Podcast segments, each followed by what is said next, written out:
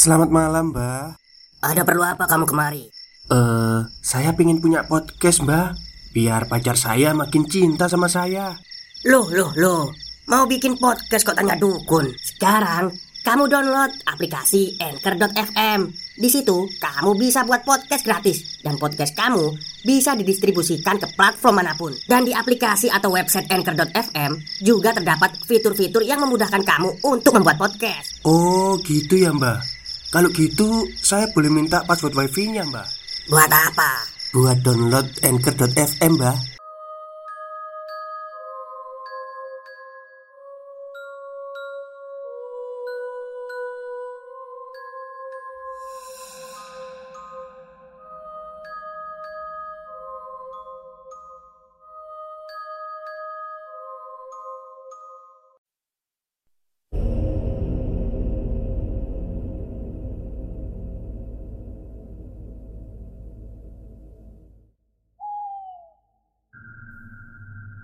Assalamualaikum warahmatullahi wabarakatuh. Halo semuanya. Jumpa lagi dengan saya Chow Sing Sing Kurator dari Podcast Horror Night Story. Halo, apa kabar semuanya? Semoga kalian semua baik-baik saja ya. Dan seperti biasanya Pada siang hari ini saya kembali Dan akan menghadirkan sebuah kisah mistis untuk kalian semua Kisah mistis kali ini saya datangkan dari treat horornya Mas Patrick Etnik Yang menceritakan tentang perjalanan seseorang. Oke, daripada kita berlama-lama Mari kita simak ceritanya. Kisah ini adalah sebagian dari sekelumit cerita perjalanan Akan sebuah pencarian jawaban menuju pucuk tanah Jawa Mungkin sebagian dari pembaca juga tidak asing ketika bertanya pada penduduk sekitar guna menuju terminal. Jawaban dari penduduk pasti keluar sana, belok kiri, terus lurus aja ya. Ini sebenarnya bahasa Jawa ya, jadi saya translate aja gitu. Tapi ini tidak ada sangkut pautnya dengan cerita saya tadi. Saya sebatas berbagi cerita saja tentang keramaian berita di masa lampau. Cerita ini bersumber dari seorang wanita yang dulu masih menjadi seorang mahasiswi. Seorang wanita cantik, manis, sedang duduk bersama saya di sudut terminal. Sebut saja namanya Mawar. Dia dulu adalah seorang mahasiswi di kampus negeri di kota kecil ini. Sudut pandang dari Mbak Mawar. Jika saya teledor menyebutkan tempat secara rinci atau hal yang bisa membuat merasa tidak nyaman, mohon jangan disampaikan di utas ini. Simpan saja untuk jenengan pribadi. Oke terdengar suara alarm yang menyadarkan Mawar akan waktu untuk istirahatnya. Sudah jam malam baginya. Ia pun beranjak dari meja yang penuh akan buku-buku di hadapannya itu. Ditutuplah semua buku tugas perkuliahan yang membosankan itu. Ia pun berjalan menuju kamar mandi guna membasuh mukanya sebagai syarat untuk pergi ke peraduan mimpi. Wahai jiwa-jiwa yang penuh akan kekosongan dan kebosanan, sejenak istirahatkan jiwa dan badan. Sambutlah peraduan, merebahlah dan bermimpilah. Semoga esok ada secercah hari yang cerah Mawar pun memejamkan mata. Laksana senja yang menutup mata. Menikmati gelap gulita dan sekali lagi Menunggu terang disapa sang surya. Allahu Akbar Allahu Akbar. Terdengar gema adzan di telinga seorang gadis belia Matanya terbuka dan langsung langkahnya beranjak guna menunaikan kewajibannya. Dua rokaat, satu salam penuh hikmat bermunajat. Ia haturkan pada Sang Pencipta. Ia mengais sebuah waktu subuh penuh berkah. Meski ia tahu hidup semakin berat, tapi ia akan selalu kuat dan dikuatkan oleh Sang Pencipta kehidupan. Pagi, pagi masih tersipu malu. Ia terlihat masih mengintip dari batik paras jingga yang ia pancarkan. Jingga berupa pipi wanita yang ketika malu berwarna menjingga merah merona. Mawar pun menyegarakan segera membasuh tubuhnya dengan air di kamar mandi. Hari ini dia ada kuliah pagi. Ini hari Kamis, hari tersibuk sebelum akhir pekan. Gumamnya masih berjibaku dengan guyuran air yang dingin di pagi hari. Selesai mandi, tak lupa ia bersolek sudah hal biasa apabila wanita ingin keluar dari sarangnya, pasti akan bersolek secantik mungkin. Tak lupa, ia juga mempersiapkan segala kebutuhan perkuliahan. Namun, tiba-tiba belum juga ia menutup pintu. Ada dering masuk di pesawat telepon di sakunya. Kring, Kring Halo, Assalamualaikum.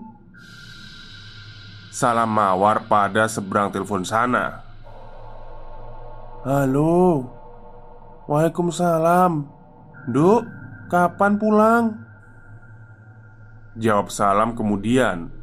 Tanya seorang pria di seberang telepon sana.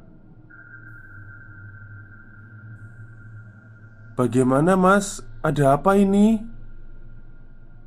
Tanya balik Mawar pada pria di telepon itu Anu Ibumu sekarang Belum selesai pria itu menjawab Tiba-tiba Genduk kundi Kapan mulai? Terdengar suara dari dalam sana Dan Mawar tak asing dengan suara itu Lalu itu suaranya ibu mas. Uh, Saya usahakan pulang siang ya mas. Ucap Mawar sembari mengusap air mata Yang tak sengaja ia jatuhkan dari celah pipinya Telepon pun terputus tiba-tiba. Dengan penuh perasaan sedih dan was-was Mawar menuju ke kampusnya. Sesampainya di kampus ia tak fokus dengan perkuliahan, dan ia juga terlupa bahwa hari ini ada acara penting di Senat, dan itu dihadiri, oleh rektor.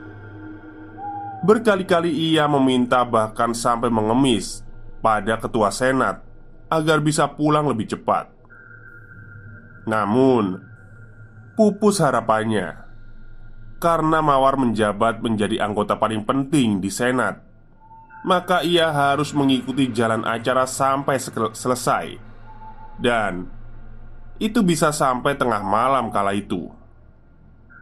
Ia hanya bisa memikirkan bagaimana keadaan ibunya di kampung sana. Ia mengingat hal indah bersama ibunya dan mendiang bapaknya dulu. Masa dikala masih belia dan masih manja Seorang gadis desa. Nah, akhirnya selesai juga Ucap ketua senat puas. Mawar masih termenung di luar ruangan. Sesekali ia memandangi jam tangan yang sudah menunjukkan pukul 11 malam. Larut Sudah larut sekali setelah ia tahu acara sudah selesai, ia ambil tasnya.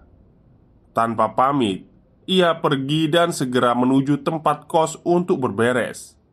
mempersiapkan keperluan pulang ke kampung halaman. Ia masih melihat jam tangannya. Jam 11 lewat 13 malam. Bergegaslah ia menuju halte terdekat. Tepat jam 23 lewat. Kisah ini bermula. Mawar menunggu bus halte dekat kampusnya. Ada bus yang tiba-tiba datang tanpa pikir panjang. Ketika bus datang, Mawar segera menaiki bus dan bersandar di tempat duduk karena kelelahan. Seperti pada bus umumnya, ia ditariki karcis. Setelah itu, ia bersandar lagi antara tidur dan terjaga. Bus terasa menderu-deru kencang menuju kota kelahirannya. Ia sempat menyapa pada penumpang lain. Namun, ternyata mereka hanya diam dengan tatapan kosong. Terlihat jua antara sadar atau tidak sadar, ia merasakan ada cairan hitam di sela lantai bus yang ia naiki itu. Semerbak bau bangkai tikus menyeruak. Sadar di dalam bus, ia melihat banyak orang tetapi tidak ada yang bicara. Hanya bunyi mesin dan sesekali klakson berbunyi. Dia tidak curiga dan hanya berpikiran mereka kelelahan. Semakin ia merasa sedikit aneh karena gelap, dia tidak tahu cairan yang berbau amis itu. Wanita yang duduk di sebelahnya juga terlihat lesu dan kaku. Meski matanya terbuka, pandangannya kosong. Krok, krok, bum, bum. Suara khas dari bus tua yang biasa, namun terkesan mengerikan. Namun Mawar sudah kelelahan karena acara di kampusnya tadi. Ia pun tak merasa terlelap dalam kepayahannya. Tiba-tiba ia dikejutkan dengan teriakan di bus Bangsat Suara pria berteriak-teriak Penumpang siap-siap turun termasuk bawang Suasana terminal masih sepi ramai Hilir mudik penumpang yang naik turun bus antar kota dan antar provinsi juga masih banyak Termasuk yang antri untuk pergi ke kota-kota terdekat. Mawar keheranan di tengah malam itu, kenapa masih banyak penumpang. Ia pun berjalan di kursi dekat terminal. Namun, hah? Baru pukul 00. Padahal perjalanan kota S menuju kota S itu sekitar bisa lebih dari 5 jam. Gumamnya sembari memelototi jam tangannya Dia sempat mengira Jam tangan yang ia gunakan mati Lalu dia pergi ke tempat yang lebih terang Di bawah lampu dekat warung. Jarum jam tangan itu terus berputar. Sejenak Dia melihat jam yang ada di salah satu warung. Jarumnya menunjukkan pada angka yang sama pukul 00 lebih 01 Nafasnya mendesah. Dia mengingat lagi saat naik bus dari kota S Pukul 23.53 Dengan demikian seharusnya Mawar sampai di terminal pagi hari Tapi saat itu masih pukul 00 lebih 01 Dia pun pergi melihat jam besar di ruang tunggu dan sama juga Mawar masih tidak percaya. Dia bertanya pada seseorang yang sedang menunggu bus jurusan kota M. Sampai ia bertanya, "Maaf, jam berapa sekarang?" Oh, sekarang pukul 00 lebih 10 Jawab seorang itu Mawar seketika seperti terkena serangan jantung Nafasnya terengah-engah antara percaya dan tidak. Karcis yang dia terima tadi dilihatnya lagi PO Tidak disebutkan ya nama bisnya ya. Disusul nama-nama daerah Yang ada di karcis itu. Tapi anehnya kenapa bisa lewat di depan kampusnya? Padahal Harusnya Tidak ada dalam daftar rutenya. Kemudian masih belum puas Ia bertanya lagi ke beberapa orang. Dan jawaban mereka sama Waktu itu baru pukul jam segitu. Deru suara bus bersaut-sautan. Sesekali klakson panjang berbunyi. Suara khas dari terminal yang hiruk-pikuk malamnya. Mawar duduk di sekitar terminal menunggu angkutan malam. Pikirannya belum tenang. Antara percaya dan tidak dengan kejadian yang baru saja ia alami. Naik bus, tapi kenapa bisa secepat ini? Ia lalu berjalan lagi mencari-cari bus yang ia tumpangi, tapi tidak ia temukan juga. Tak ada juga satupun bus bernama yang sama ia naiki tadi. Dentuman mesin-mesin bus masih terdengar ramai. Teriakan kernet dan calo-calo penumpang juga meriah. Sampai ia melihat ada seseorang yang berada di dekat bus. "Pak, maaf, numpang tanya." Mawar mendekati kernet bus yang sedang makan di warung dekat terminal. Apa bapak tahu bus jurusan ini? Tanya Mawar sambil menyodorkan tiket bus yang ia bawa. Pria itu tiba-tiba bergeser dari tempat duduk Dengan rokok yang masih menempel di bibirnya Dan sesekali asapnya keluar Seiring dengan mulut yang terbuka. Asap itu mengepul tak berarah. Kemudian Pria itu mendekati Mawar. Hmm, bus ini masih hanya melirik karcis itu. Namun, tampak dari wajahnya sedikit terperangah mendengar pertanyaan Mawar. Dia memandang Mawar sejenak, lalu meminta karcis yang ia pegang. Kepala laki-laki ini manggut-manggut sambil memandang Mawar penuh tanda tanya. "Iya, memang pernah ada bus ini, tapi sudah sejak lama sekali tidak ada lagi." Rokok yang semakin pendek ia sedot dalam-dalam. Tiap kali ia mengeluarkan asapnya dengan menyembur lebih keras, sehingga kepulan asapnya lurus ke depan lalu buyar. Mawar kaget mendengar jawaban itu. Sontak dalam diam, bulu kuduknya merinding. Sapuan hawa malam, bau asap knalpot. Malam itu membuat dia semakin penasaran. Sorot mata pria dengan rokok yang tinggal satu sedotan saja itu membawa pikiran Mawar ke dalam ketidaknalaran yang aneh itu. "Sini, Dek," Tak kasih tahu Ucap pria itu meminta Mawar Untuk mendekatkan telinganya Dan Dibisikanlah Kapan terakhir kali bus itu beroperasi di jalur itu? Hah? Selama itu pak. Lalu? Ucap keheranan. Karena mendengar bisikan akan bus yang ia naiki tadi. Iya dek Pemilik bus ini menjual semua busnya setelah kejadian kelam di masa lalu.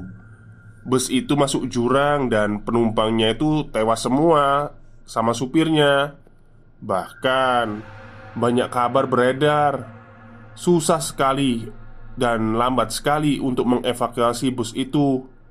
Dan ketika dievakuasi, banyak potongan tubuh, darah yang sudah menghitam. Terus ada sih beberapa jasad yang sudah berbelatung Ucap dari pria itu Sambil manggut-manggut Sembari menyambung rokoknya Jadi Bus ini sudah nggak ada lagi pak. Tanya Mawar dengan rasa semakin merinding. Iya sudah nggak ada. Bodinya sudah remuk Ucap pria itu. Tapi saya tadi naik bus ini pak. Terus dikasih karcis. Stop stop. Kita break sebentar. Jadi gimana? Kalian pengen punya podcast seperti saya? Jangan pakai dukun, pakai anchor, download sekarang juga, gratis. Mawar bersikeras membuat pria itu percaya, dan ia mulai mengingat-ingat saat naik bus itu tadi. Dia memang sempat melihat air mengalir hitam di bawah jok, serta para penumpang yang semuanya diam. Kernet yang memberi karcis juga diam. Hanya menyodorkan lalu menerima uang dan pergi. Dia juga mengingat lagi Ketika dia turun Para penumpang juga seperti turun Tetapi Tidak ada yang dia ketahui setelah itu. Rasa penasaran dan merinding Semakin menjadi-jadi Desiran angin terminal mampir ke pundaknya, dan tiba-tiba bus itu sudah ada di depan Mawar dengan semua yang ada di dalamnya, berisi pocong dan wujud menyeramkan lainnya. Namun tiba-tiba, "Dek, bangun! Larut begini kok malah tiduran di sini?" Tepukan bahu berbarengan dengan ucap seorang pria parubaya Yang sama sekali tidak ia kenal. Ia terkejut dan masih sayu. Ternyata kejadian tadi hanyalah sebatas mimpi Dalam ketidaksengajaan di, di bawah alam sadarnya. Namun mimpi tadi terkesan sangat nyata. Lalu Maaf pak. Saya masih menunggu acara senat selesai Ucap Mawar. Walah.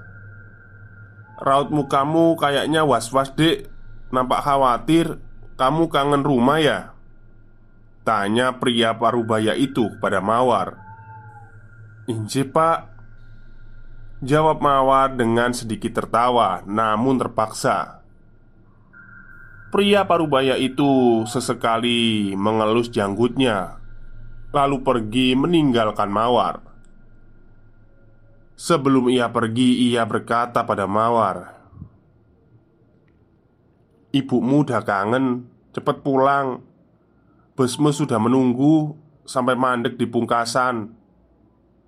Kalau tiba-tiba bapakmu mengajakmu, jangan mau, Dek, karena itu bukan bapakmu. Tetap hati-hati."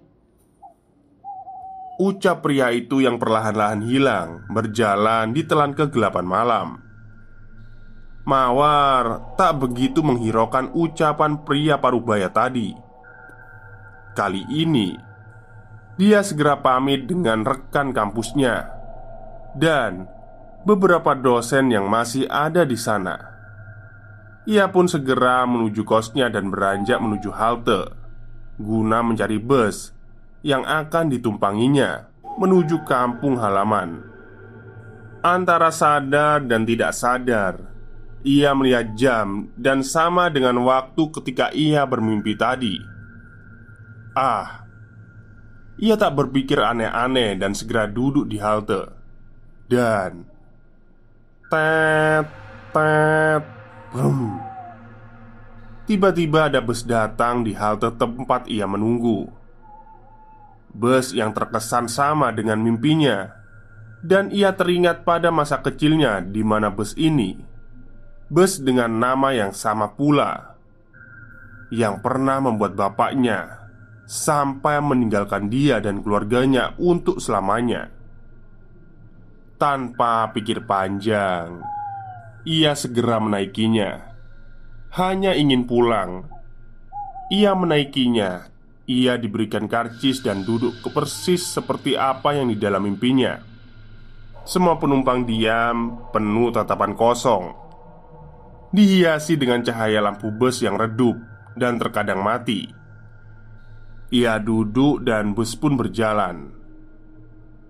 Suara bus menderu-deru dengan khasnya dengan suara besi reot di badannya.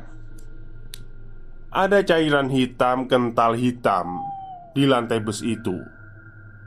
Tercium pula bau anyir, semerbak, serupa bangkai tikus yang menusuk hidungnya. Namun ia sudah payah dan lelah Sampai tak terasa ia terlelap akan kantuknya Sampai dia mendengar Duk Ayo ikut bapak pulang Uluran tangan seorang bapak ditujukan padanya. Dalam akan tangis atau bahagia Ia menyambutnya. Dan Dan apa mbak? Tanyaku pada gadis cantik di sampingku. Ia hanya melemparkan senyum manis padaku Dan tidak melanjutkan ucapannya. Ya lalu? Gini mas Nak, ayo pulang. Terdengar suara seorang pria paruh baya Di seberang sana Bersama motor keluaran lamanya. Bapak Ucap gadis cantik bernama Mawar itu Kepada pria paruh baya itu. Ia pun memegang tanganku Dan izin pamit karena sudah dijemput. Nyuwun pamit Gimas Ucap wanita cantik di sebelahku dan beranjak pergi menuju pria paruh baya itu Tapi aneh Ketika sudah bersama pria paruh baya itu Mawar melambai padaku di seberang jalan sana. Namun, ketika ada bus lewat dan menutupi mereka, mereka lenyap dan tidak ada lagi di seberang jalan sana. Sempat juga aku ditanyai seorang supir yang katanya dari tadi mengamatiku dari kejauhan. Ia berkata, "Sampean ini ngomong sama siapa, Mas? Kok kayaknya dari tadi ngomong sendiri?" Aku hanya tertawa dan mengatakan tidak apa-apa dan bukan siapa-siapa. Sopir hanya mengelus dada dan kemudian pergi meninggalkanku. Bahkan pemilik warung juga geleng-geleng kepala seolah menganggapku gila karena aku terlihat asyik berbicara sendirian. Lalu, ketika aku ingin memakan nasi kucing, Tak sengaja aku menemukan potongan koran Keluaran lama yang menjadi bungkus nasi kucing itu Di sana tertulis Dicari Orang hilang Bernama Mawar Tak mau kupikirkan lebih dalam Kubayar semua hidangan yang aku santap di warung itu Kuputuskan Untuk segera mencari bus guna menuju ke hutan di pucuk Jawa. Tamat. Keterangan terakhir. Cerita per, cerita ini pertama kali saya dapat di suatu perbincangan di suatu platform lama. Di sana saya merasa tertarik akan cerita itu karena saya merasa tidak asing dengan nama itu, Mawar. Sebenarnya hanya nama samaran akan kebenaran dan asal cerita yang beliau tuturkan pun, saya di sini hanya sebagai penulis cerita yang dituturkan beliau. Dan saya sadar kenapa bisa nyambung dengan pengalaman saya ketika hendak menemui Mas Tole di alas pucuk Jawa. Saya hanya menyambungkan perihal apa yang saya temui dan pernah alami, dan apa yang saya dengar dengan beliau di salah satu platform Selaku beliau, saya anggap narasumber. Jika ada salah satu kata atau salah dari dalam diri saya selama bercerita, saya minta maaf. Sekian dari saya. Jazakumullah khairan. Matur suwun, sugeng rahayu. Baik, itulah sekelumit cerita dari treat horornya Mas Patrick Eknik. Jadi kalau saya baca ini ternyata narasumbernya Mas Patrick ini hantu ya Udah jadi hantu sebenarnya Tapi nggak sih sengaja Kayak apa ya Ada yang ngajak gitu loh. Kan di akhir cerita itu kan ada omongan bahwa dia itu ngomong Kalau yang ngajak itu bapakmu Itu jangan mau. Soalnya dia itu bukan bapakmu Kan kayak gitu. Ya, ya oke, ya berarti si Mawar ini udah terjebak di alam sana gitu, udah meninggal, alias hilang lah. Oke, mungkin itu saja cerita untuk siang hari ini. Kurang lebihnya saya mohon maaf. Wassalamualaikum warahmatullahi wabarakatuh.